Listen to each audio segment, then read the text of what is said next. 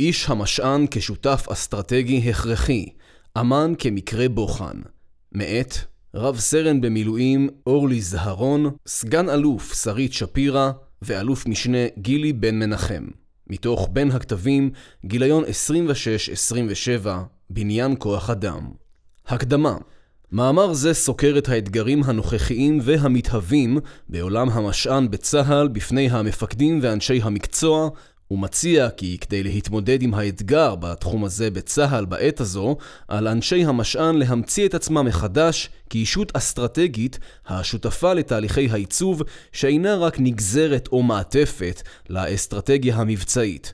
טענה זו מציעה שילוב בין הזהות החדשה המוצעת כמרכזית לבין זהויות מסורתיות של השליש והמשען, הנתפסות לא אחת כמיושנות ולא רלוונטיות. נקודת המבט המוצגת במאמר אין בה כדי להמעיט או להעלים את ייחודו של המשען בצה"ל על תפקידיו המסורתיים. ייחודיות זו נובעת בעיקר ממאפייניו הצבאיים כצבא העם, הכוללים עיסוק בתחומי החינוך, הערכים, הרווחה, תנאי השירות והמשמעת. משמעות הדבר היא ההכרח לגבש ולהעצים בתוך המשען הצבאי תפיסות וכלים נוספים לצד המסורתיים, מבלי להפחית מחשיבותו של אחד מהם. מעשה זה דורש שינוי מהמעלה השנייה, ומזמין עמדה הקוראת תיגר על מתן פתרונות טכניים נקודתיים לעולם הבעיה. הטענה מודגמת באמצעות הצגת מקרה אמן, ארגון סף בתוך הארגון הצה"לי, המהווה לא אחת סמן ימני למענים, לתפיסות ולאסטרטגיות משעניות חדשניות בצה"ל. למה משען ולמה דווקא עכשיו? מאפייני הארגון האמני כבכל ארגון אשר משימתו ותרבותו מעצבות את מאפייני הגופים שבתוכו, כך גם הארגון הצבאי צובע את מאפייני אמ"ן. בראש ובראשונה, אמ"ן הוא ארגון צבאי מוסדי. התרבות הצבאית הקלאסית המאופיינת במבנים היררכיים, נהלים, בירוקרטיה ותרבות טוטאלית, נוכחת באופן טבעי גם בארגון האמ"ני ומאפיינת את פעילותו. עם זאת, מאפיינים אלו מאותגרים חדשות לבקרים בשל המתח הקיים ביניהם לבין מאפיינים נוספים של אמ"ן הנובעים ממשימתו הייחודית. ההקשר המבצעי שבו מתבצעת משימתו של אמ"ן מחייב חיכוך מתמיד עם המרחב האזרחי. כדי לעמוד ביעדיו, נדרש אמ"ן, בין היתר, לחיות במרחבים טכנולוגיים כגון במרחב הסייבר וה data science, שבהם נאסף ומעובד חלקו הארי של המודיעין.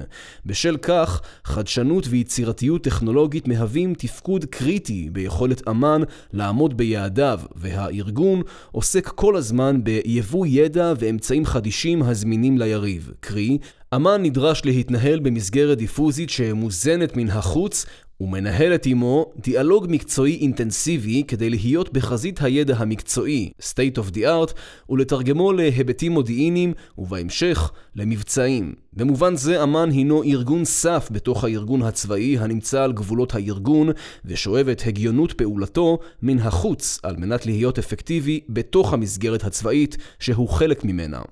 כנגזרת מכך ניתן לומר כי גם התרבות הארגונית המאפיינת את אמ"ן מושפעת מן החוץ.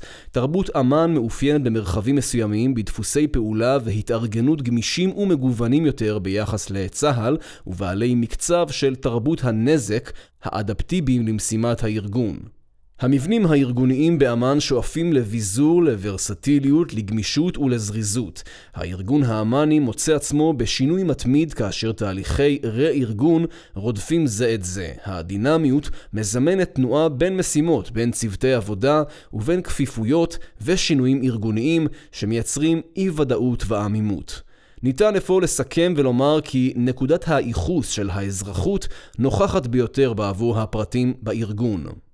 ועדיין לא זו בלבד שנוכחות זו מתבטאת דרך מאפייני המשימה והתרבות הארגונית שתוארו, הנוכחות האזרחית באה לידי ביטוי גם באמצעות קבוצת השווים, peer group, חבריהם של המשרתים בחיל, המשולבים בתפקידים אטרקטיביים בחברות הייטק. ומנכיחים את עולם הקריירות האלטרנטיבי הרלוונטי כל כך לחברי הארגון, ומהווים בכך מקור נוסף לאתגר האנשים. רכיב האנשים באמ"ן כמאפיין מוביל. על מנת לעמוד באתגרים המתוארים מעלה, מתבסס אמ"ן על איכות אנשיו. אמירה ידועה באמ"ן היא כי האמל"ח שלנו הוא האנשים. בידי המודיעין אין מטוסים, טנקים או ספינות. הנשק של החיל הוא איכות אנשיו.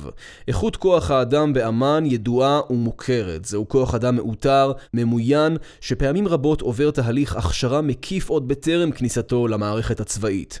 מרבית האנשים באמ"ן, בעיקר כשמדובר באוכלוסייה הטכנולוגית, רוכשים ומפתחים במסגרת שירותם הצבאי ידע ומיומנויות טכנולוגיות שהם בעלי ערך רב בשוק האזרחי. צעירים רבים המשרתים באמ"ן מוצאים עצמם מחוזרים כבר במהלך שירותם הצבאי על ידי חברה חברות חיצוניות שיש בידן להציע מסגרת תעסוקתית מפתה הכוללת משכורת דשנה, לעתים כפולה ומשולשת מהמשכורת הצבאית, ואופציות. אל מול האתגר, השליחות ואיכות המפקדים אשר מהווים מודל לחיקוי ומוקד משיכה לצה"ל, כוח האדם באמ"ן נתון לפיתויים מבחוץ, ולפעמים המעבר לחברה אזרחית כולל עבודה עם חברים ומכרים שעזבו את היחידה, וממקום מושבם החדש מספרים על התנאים המפתים והאתגר המקצועי שקיים גם שם. מעבר לכך, פעמים רבות בניין המשרדים ההייטקי המפנק נמצא ממש מעבר לכביש, ולא רק במובן המטאפורי, בסמיכות למתקן הצה"לי הישן, בעל התשתית הפיזית הצבאית. האתגר המקצועי המאפיין את אמ"ן הוא מיתוג יחידות אמ"ן כיחידות עילית לצד השליחות והערכים אשר מניעים את אנשיו, היוו במשך השנים קרקע פוריה לשימור האנשים וכמענה לפער המובנה בהיבטי תגמול. נוסף על כך הציע אמ"ן כחלק מצה"ל יציבות תעסוקתית לאורך שנים רבות לאנשיו, ודאות במידה רבה לגבי היכולת להתקדם מקבע ראשוני לקבע מובהק, לצד שירות במתקני צה"ל באזור המרכז. בשנים האחרונות נדמה כי הקלפים נטרפו, שינויים רבים המתרחשים בסביבה החיצונית לצבא, שיח תקשורתי ביקורתי כלפי צה"ל ובפרט כלפי משרתי הקבע ותנאי שירותם, העיסוק הגובר במעבר אמ"ן דרומה והשלכותיו על הפרט, מסלול השירות 2016 והתמורות שהוא חולל בשירות הקבע, בדגש על השער הארגוני השני, אשר צמצם משמעותית את היקף הקצינים שימשיכו לשרת לאחר 14 שנים בקבע, כל אלה מערערים את תחושת היציבות של הפרט, בדגש על אלו אשר הם בעלי חליפות תעסוקתית גבוהה. המציאות הנוכחית מאתגרת את האופן שבו פועל אמ"ן בכל הקשור לאופן שבו ניהל את אנשיו. מחד גיסא, מציאות זו מחזקת את מעמדם של אנשי משאבי האנוש כשחקנים מרכזיים בשל עיסוקם במשאב הקריטי ביותר לארגון, אך מאידך גיסא היא מציבה בפניהם אתגרים עמוקים הנעוצים בבירור מחודש של תפיסת התפקיד שבה הם מחזיקים כיום, על מנת להיות אפקטיביים בתנאים החדשים שנוצרו. אם ייכשלו באתגרים אלו, עלולים אנשי משאבי האנוש להפוך ללא רלוונטיים ולהיתפס כגורם בירוקרטי מעכב. לפיכך, טענתנו המרכזית במאמר זה היא כי על רקע האתגרים המתוארים, על אנשי המשען באמ"ן בפרט ובצה"ל בכלל ללמוד מתפיסות משאבי אנוש מתקדמות מהאזרחות ובד בבד להישען על המאפיינים הנובעים מעצם היותו חלק מהארגון הצבאי, להכיר את הפוטנציאל והמרחבים האפשריים לפי נוהלי הצבא ולעסוק באופן תמידי באתגורם. אנו מציעים מודל פעולה הנשען על תפיסה אסטרטגית חדשה ומעודכנת, לשם כך נמשיג על בסיס מודלים עדכניים מהו תחום משאבי אנוש בארגונים כיום, נתרגם זאת למשאבי אנוש בצבא ובאמ"ן, ונסרטט מודל פעולה תואם. תפקידי המשען ועקרונות מנחים בבניית אסטרטגיית משען ניהול אסטרטגי של משאבי אנוש מובל על פי כמה עקרונות מנחים. עקרון הגמישות מהווה עיקרון מרכזי. אסטרטגיית גמישות משאבי אנוש, Human Resource Flexibility Strategy, לוקחת בחשבון את האינטרסים של המעסיק, הארגון והעובד גם יחד. הארגון מוותר על חלק מהשליטה לטובת העובד, שמתאים עצמו לדרישות המערכת. כלומר, הארגון מכתיב כללים לביצוע, אך פחות מתערב בפרטי הביצוע, כל עוד הם מבוצעים ועומדים ביעדים העסקיים של הארגון. בעולם המודרני מתפתחת מגמת קריירות הכרוכות בהסדרי העסקה מגוונים. עם אחוזי משרה משתנים. לפי נירית כהן, יש מתיחה והרחבה של המושג עבודה. העבודה היא כבר לא מקום שהולכים אליו, אלא משהו שעושים. יותר ויותר אנשים מוצאים שהם יכולים לעשות את עבודתם מבלי להידרש להגדרות של מקום, מעסיק או אפילו תפקיד. בראייתנו, אסטרטגיה משענית גמישה צריכה ללמוד ממגמות חדשות אלה ולהתאימן לשירות הצבאי, שאינו עבודה, במטרה לשמר כוח אדם איכותי בתוך המסגרת הצבאית על ערכיה, על ערכיה וכלליה. לפי מודלים מתקדמים העוסקים בעולם בתפיסת משאבי אנוש בארגונים, ישנם כיום שלושה רבדים עיקריים. הראשון הוא הרובד האדמיניסטרטיבי, השני הוא הרובד המשעני, והשלישי הוא רובד המייצג את תפקיד משאבי אנוש כשותף אסטרטגי בארגון. מודל זה מציע כי אתגרי המציאות הנוכחית העבירו את תפקיד משאבי האנוש מניהול העובד לניהול הון אנושי. זאת על ידי המשגה חדשה לחשיבות תפקידם של העוסקים במשאבי אנוש מניהול אדמיניסטרטיבי לתפקיד של שותף אסטרטגי של ההנהלה. HRBP, מושג השגור בתעשייה. לא עוד איש HR, אלא HR Business Partner. בעיצוב הטיפול בעובדים, במיצוב מול המעביד, וחשוב מכל, בבקרה ובניהול של כוח האדם בארגון, במטרה להעלות תפוקה ואפקטיביות באופן פעולתו של הארגון כיחידה אחת. יצירת יתרון בשוק תחרותי ושיפור הביצועים הארגוניים יכולים להתבצע רק בשילוב של המיקרו יחד עם המקרו בניהול משאבי אנוש. המעבר מביצוע גיוס והערכה בלבד לצד ניהול אדמיניסטרטיבי מתרחב כך שעבודת אנשי משאבי האנוש בארגון כוללת גם בחינה ושיפור ביצועים, ניתוח צרכים של העובדים ושל הארגון והובלת הפיתוח המקצועי.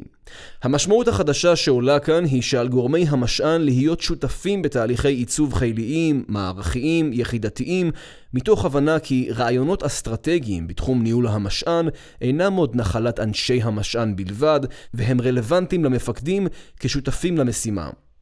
הרובד הראשון והשני, הרמה הבסיסית וההכרחית של משאבי אנוש. הרמה הבסיסית בתפקוד המשען היא הרמה התפעולית-אדמיניסטרטיבית.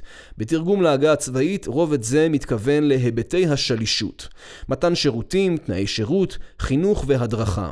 אלה הם תפקידיו המסורתיים של המשען, הנגזרים בין היתר מהיותו צבא העם. אתגר המשען המרכזי ברובד זה הוא יצירת פוש, מנגנון של פיקוד ושליטה, מפותח, הכולל ניהול סגל משאבי אנוש ומתן מענה לפרט במגוון תחומים, מתוך מטרה שלא להישאר ברובד הבירוקרטי ולזהות את הפוטנציאל ליצירת שיח ומעורבות פיקודית גם במישור האישי וגם במישור המערכתי.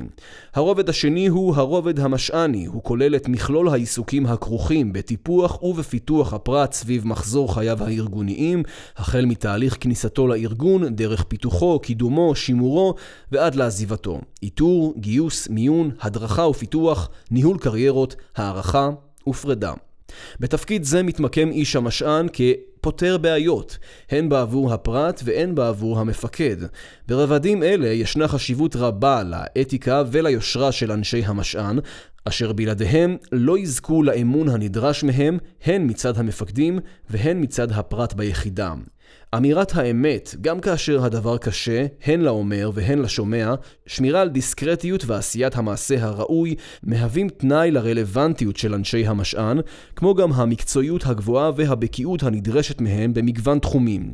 אם כך, אתגר המשען המרכזי ברובד זה הוא ניתוח המתחים הקיימים בין העולם האסטרטגי לבין העולם הטקטי, כבסיס לגיבוש תפיסת תפקיד עדכנית ורלוונטית, המתכתבת עם שתי רמות המשען בארגון. בין המקרו למיקרו נדרשת הבנה מערכתית של תהליכי המשען לשם ניהול נכון של התהליך ברמת היחידה או החיל, לבין העיסוק במקרה האישי של הפרט ושליטה בפרטים. מיקרו, כל מקרה לגופו. בין ייצוג האינטרס הארגוני לייצוג האינטרס האישי, איש המשען כמייצג השיקול המערכתי המחייב, לדוגמה, חוסר היכולת לקדם ולתגמל את כלל המשרתים, היפרדות מפרט או פרטים, הוצאה לפועל של נהלים נוקשים, שימוע, מתן התראה וכולי, לבין היותו האחראי על הטיפול בפרט, גם ברגע משמעותי בקריירה, קיום שיחה אישית, שימוש כמורה נבוכים, ואף לייצגו מול המפקדים או המערכת במידת הצורך. בין אזרח הארגון לבין נציג ההנהלה. איש המשען כעמית או חבר אישי של לא מעט מאנשי הארגון, לעתים גדל איתם, עלול בזמנים קשים להיתפס כאיש הרע, המוציא לפועל, המוציא והמביא וכולי.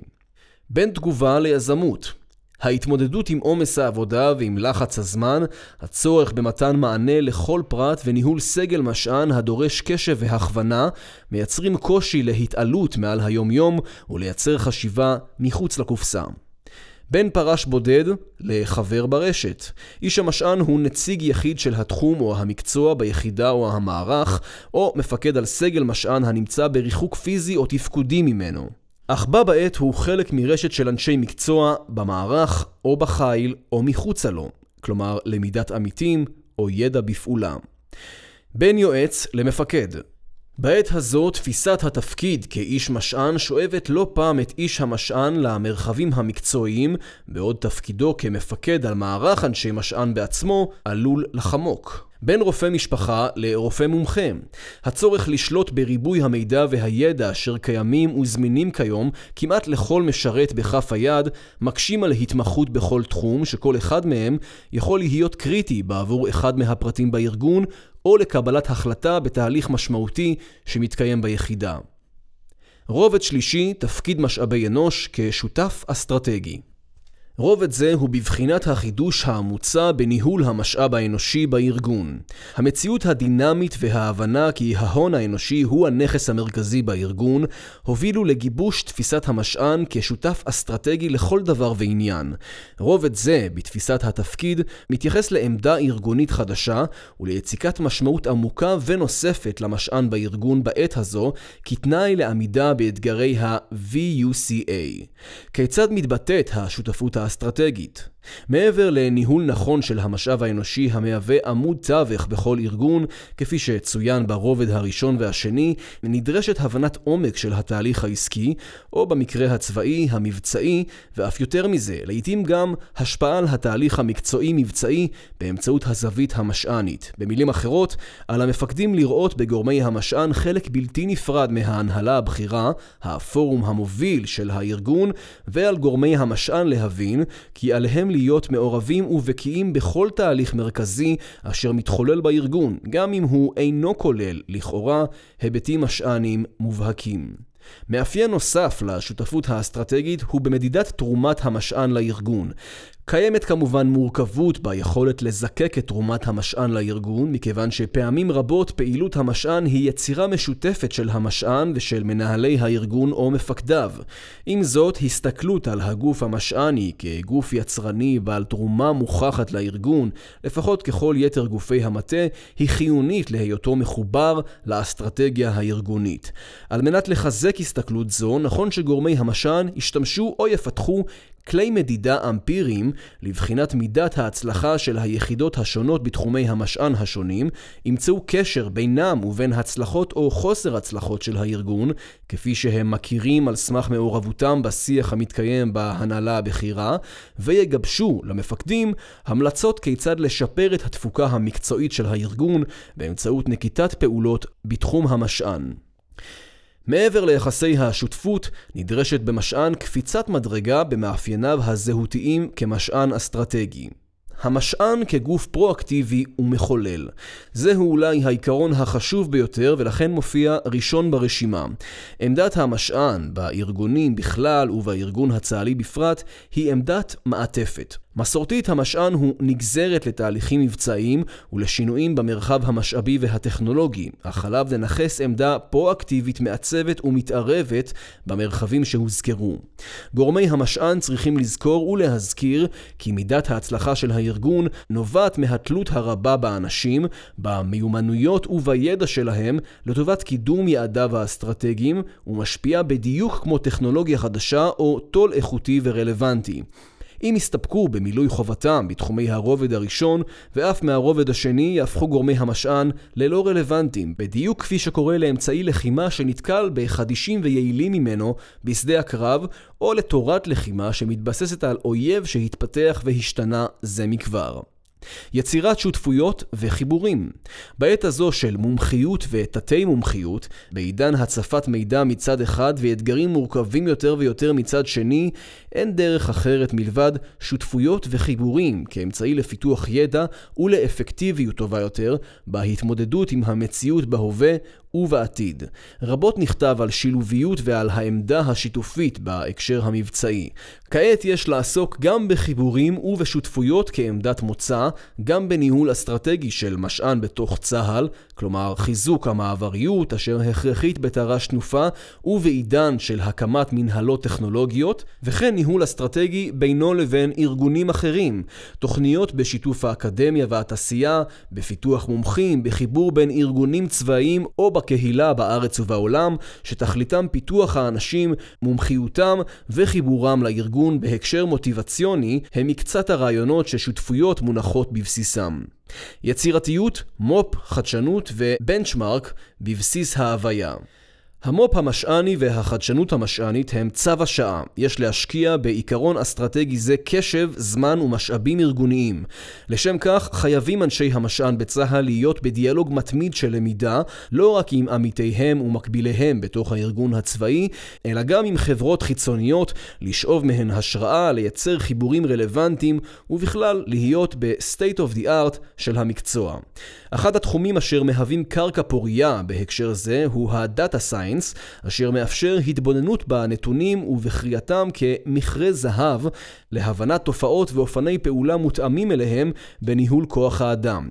הצבא והחילות יושבים על בסיסי נתונים קריטיים להבנת תופעות בתחום ניהול כוח האדם, תופעות שברמת הפרטים מקבלות מענים נקודתיים ומשתנים. שיתוף בנתונים, זיהוי תופעות לאורך שנים באמצעות ביודאטה של משרתים, חקירת נתונים שלעיתים אינה תחת הזרקור התפעולי של ניהול המשא"ן, עשויים להיות בעלי ערך בגיבוש עקרונות להתערבויות עתידיות בתחום ניהול המשא"ן, גם ברמה חיילית וגם ברמה צה"לית. הובלה מהאמצע של start-up nation צה"ל הינו ארגון צבאי מוסדי והיררכי, אשר ההחלטות המשמעותיות, בוודאי בתחום המדיניות, מתקבלות בדרג הבכיר. אך חשוב לזכור כי רבות מהתופעות החדשות והמשמעותיות צומחות דווקא מתוך הדרג הזוטר, שמתחכך לראשונה עם צורך, עם רעיון משמעותי לו, שעשוי להיות משמעותי גם לאחרים. בוודאי במרחבים בארגון שמותר בתנאים מסוימים לקחת סיכון לא מחושב, שם מחיר הטעות במקרים אלה נמוך יחסית ולא יגיע עד כדי פגיעה בארגון, בערעור ערכיו המסורתיים, מעמדו או בסיס הלגיטימציה שלו בציבור. מכיוון שכך, נכון לזהות מרחבים כאלו גם בהיבטי משען, מקומות ארגוניים שבהם צומחים רעיונות חדשניים, עבודות שאינן מוזמנות, ניתן להרחיבן לארגון כולו. זיהוי משוגעים לדבר בתחומי משען שונים, גם מפקדים, לא רק אנשי משען, ומינוף רעיונותיהם באמצעות רוח גבית מוסדית לכדי שינוי מערכתי באופן ההתמודדות עם האתגר שזוהה. הובלת המענים החדשים שנוצרו תיעשה מתוך המרחב שהמציא את הרעיון, הגה והוביל אותו מקומית כמומחה תוכן ותהליך לעניין. למידה מתוך חיכוך מורכבות האתגרים המשענים שסומנו היא גדולה, ויש קושי אובייקטיבי לתת מענים מותאמים ושלמים מבעוד מועד. בדומה לאסטרטגיות ניהול מורכבות, גם לאתגר המשעני ניתן לעיתים מענה אד-הוק, הגם שהוא חלקי ואינו מותאם לגמרי, וניתן ללמוד מתוך החיכוך עם המענה העכשווי שניתן לגבי טיב המהלך הבא הנדרש. לדוגמה, כחלק מהמענה שניתן לפערי כוח האדם כתוצאה מקיצור שירות החובה לגברים החל מגיוס יולי 2015 ואילך, הוחלט על הרחבת היקף הנשים המשרתות באמ"ן באמצעות הוספת מקצועות שבהם משך השירות שלהן זהה לגברים, מקצועות דין אישה כדין גבר, בהתאם לסעיף 16א בחוק שירות הביטחון, וזאת לצד חיזוק השירות המשמעותי וערך השוויוניות בצה"ל. הדבר הצריך עבודת מטה ארוכה ומורכבת. מורכבת, אשר כוללת אישור של כל אחד מהמקצועות בתהליך ארוך שסופו בוועדת חוץ וביטחון, כמו גם ניתוח השפעות על תהליך האיתור, הפיקוד הזוטר, הקצונה ועולם הקבע, שינוי הכשרות, הבהרת המותר והאסור לסגלי המשען ולמפקדים, יצירת תשתיות ועוד. חרף מספר ליקויים בתהליך, שחלקם הגיע עד כדי התערבות של ערכאות חיצוניות, מדובר בתהליך מוצלח ביותר, ששיפר את שילוב הנשים בתפקידים משמעותיים, ומנע פערי כוח אדם שעלולים היו לפגוע בתפקוד הארגון. לצד זאת, הדבר חיזק את הצורך בתהליכי למידה, תחקור, הפקת לקחים והטמעתם באופן מהיר בקרב סגלי המשען, וזאת על מנת להעביר את הידע הנצבר במקום אחד ולאפשר לעמיתים למנף אותו להצלחה במקום אחר. העקרונות המוצעים מעלה טובים לשעה זו ובריא שניתן לזהות עקרונות רלוונטיים נוספים לניהול אסטרטגיית המשען. נדגיש, העקרונות משתנים ומתחלפים ויש לעדכנם כל העת. שלושת כובעי המשען, היבטים יישומיים וזיקות. כדי לסכם את מאפייני המשען הנדרשים, ראוי להתייחס לא רק לרכיביו, אלא גם לזיקות הנדרשות בין הכובעים השונים שהוצאו. כפי שנכתב לעיל, למשען יש שלושה כובעים. הכובע האדמיניסטרטיבי, הכובע המשעני והכובע האסטרטגי. נדגיש כי בזהות האסטרטגית המוצעת על ידינו, אין הכוונה לזנוח את תפקידיו המסורתיים של המשא"ן. ישנו ערך ביציקת משמעות מחודשת בתפקידים אלה, המאפשרת עמידה טובה יותר באתגרים הקיימים והעתידיים. יש להתייחס למאפיינים מוסדיים, מסורתיים ומאפיינים אזרחיים פוסט-מודרניים של עולם המשא"ן בארגון, כחלק ממערכת שלמה, ecosystem שלם, בה יש מקום לכל רכיב בזהות המוצעת, על שלושת רבדיה, בעוצמות משתנות, על פי תנאי ההקשר הנמצאים בכל רגע נתון. בין שלושת תפקידי משאבי האנוש קיימת תלות. נקודת הפתיחה של האיכות המשענית בארגון תלויה באיכות סגל המשען, ערכיו, יושרתו, מקצועיותו ואופן מימוש אחריותו לטיפול בפרט בארגון. כך, תמריץ לטובת הארכת השירות שיוצע כשבוע לפני שחרור קצין שרוצים להשאירו במערכת, לא ישיג בדרך כלל את מטרתו, אלא ישדר לפרט תחושה של חוסר רצינות ואף זלזול. דוגמה נוספת היא תהליכי היפרדות שברמה המשענית יכולים להיבנות היטב, אך אם אינם מנוהלים כהלכה ברמה האתית מול הפרט או ברמת נתונים, כלומר חוסר דיוק בנתונים או נתונים שגויים, ייצרו תחושת אטימות של המערכת ויעצימו את תחושת הפגיעה כלפי הפרט. הקשר בין הרבדים השונים אינו מסתכם בהזנה, אלא גם מייצר מורכבות ודילמות בתפקוד איש המשען. למשל, בעוד הרובד המשעני מתמקד בטיפול בפרט, לרובד השלישי אוריינטציה ברורה לארגון ולאסטרטגיה הארגונית. קיימים מקרים שבהם אין הלימה בין הטיפול בפרט לאסטרטגיה הארגונית, ותפקידים אלה נמצאים בסתירה זה לזה.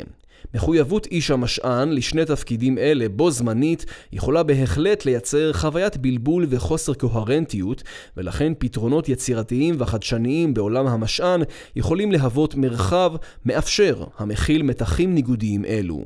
כדי להדגים את ערכו המוסף התוספתי והייחודי של כל רובד בזהותו של המשען להיבטים פרקטיים ויישומיים, מוצע הפירוט הבא.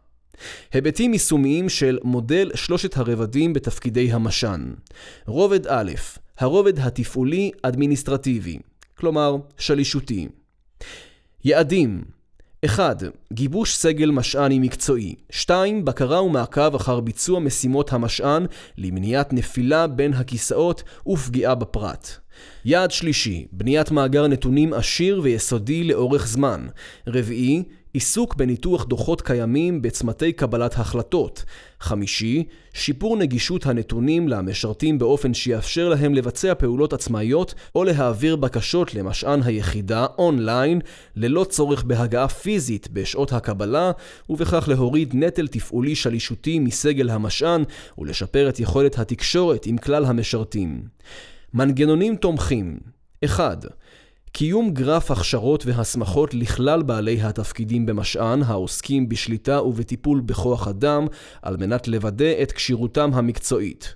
מנגנון שני, אבני לוז קבועות ושגרתיות, כגון דיונים ופגישות עבודה בהן מוודאים ביצוע של כלל המשימות. שלישי, הכרה והתמקצעות במערכות המידע המשעניות הרלוונטיות והתממשקותן עם מאגר המידע היחידתי.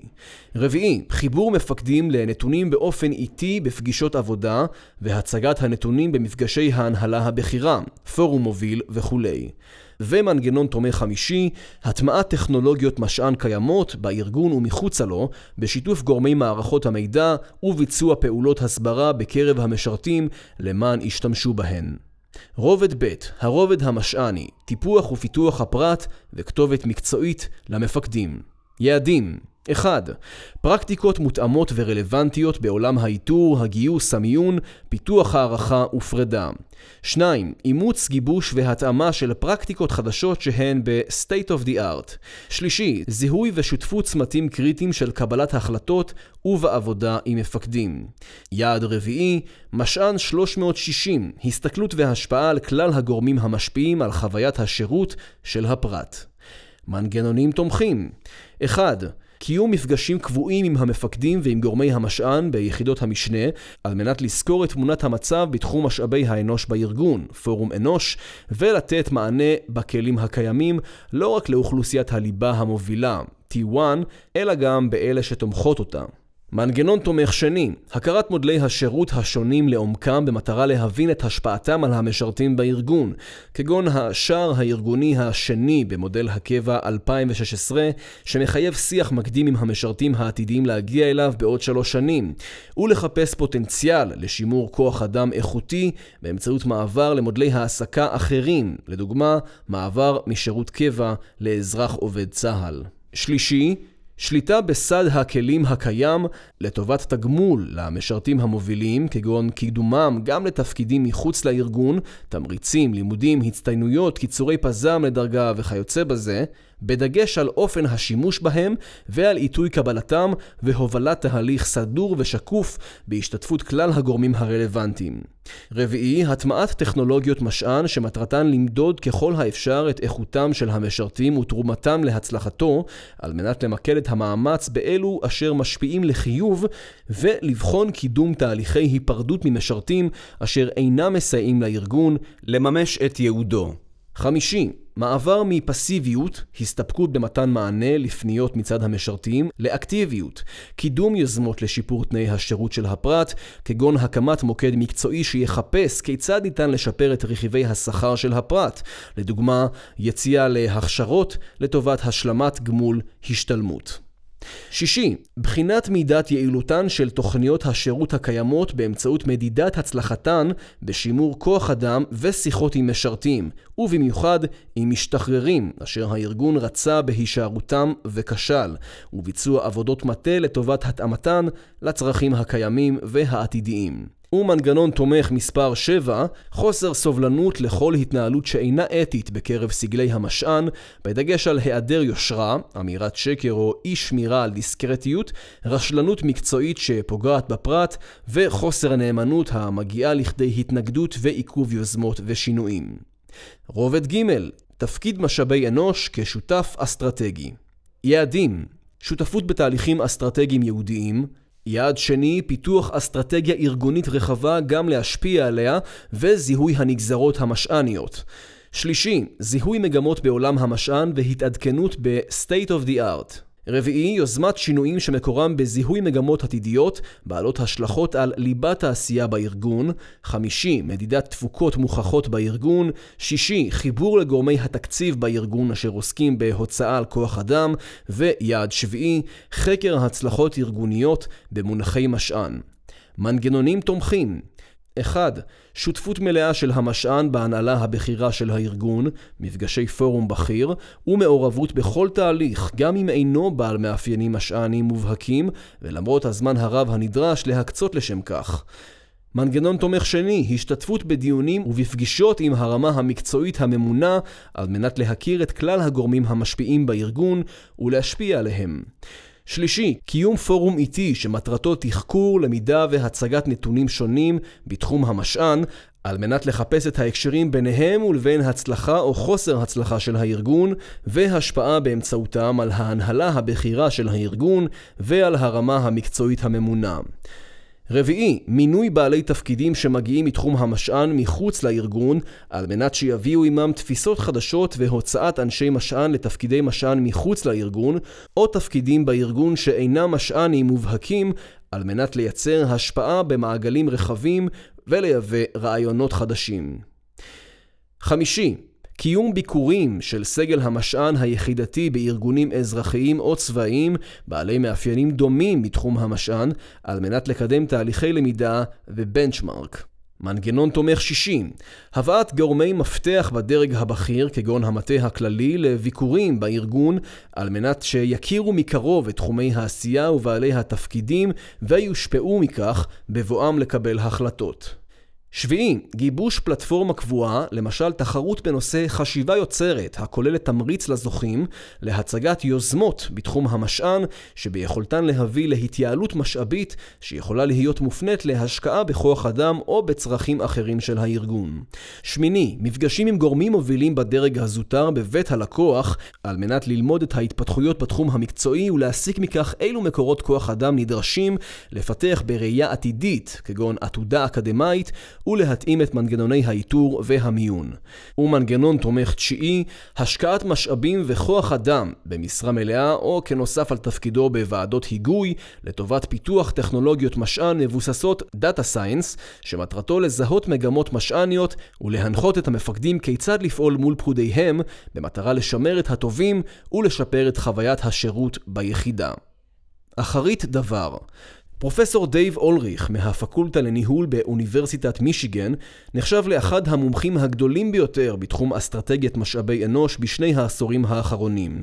בריאיון ל-Human Resources Executive הוא מסכם את התיאוריה שלו בנושא תפקידם ומעמדם של מנהלי משאבי אנוש בארגון. HR must give value or give notice. מנהלי משאבי אנוש חייבים לתת ערך מוסף או לתת מכתב התפטרות. לשיטתו, מנהלי משאבי אנוש יידרשו להבין בעסקים, לא רק להבין את האסטרטגיה העסקית של הארגון או לקרוא דוחות פיננסיים ולהבין במאזנים, אלא להבין איך העסק עובד כדי שיוכלו לקחת חלק ולהשפיע על ההצלחה העסקית של הארגון. אם עד כה התרכזו מנהלי משאבי אנוש בלהבין איך מנהלים עסקים, הם יצטרכו לקחת את הצעד הבא ולפתח כישורי ניהול. עד לאחרונה נתפסו מנהלי משאבי אנוש כאנשי אנשי אמון, יועצים אמינים ומהימנים שמסייעים בידי מקבלי ההחלטות. אולם הארגון המודרני צריך מנהלי משאבי אנוש שיהיו לא רק יועצים, אלא מנהלים שיוזמים ומיישמים מדיניות הלכה למעשה. מנהל משאבי אנוש הופך מיועץ לבעל דעה, ובעקבות כך לבעל השפעה. לכן השינוי המהפכני בתפקיד ה-HR הוא בעצם מעבר מניהול הון אנושי לניהול בכיר. למנהלי משאבי אנוש יש תפקיד חשוב בארגון הדינמי הנתון לתנודות ולשינויים.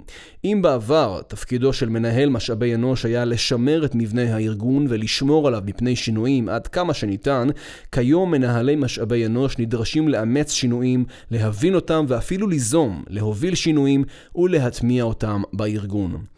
חשוב לציין כי אין זה תפקידו של המשען להחליף את המנהלים, קל וחומר את המפקדים בצה"ל. על איש המשען לייצר למפקדים פלטפורמה טובה לפקד ובמקביל לנווט בעצמו ולהוביל את תחום המשען בזיקה הדוקה לאסטרטגיה הארגונית, אך לא פחות חשוב מכך, גם לאתגר אותה ולהשפיע עליה.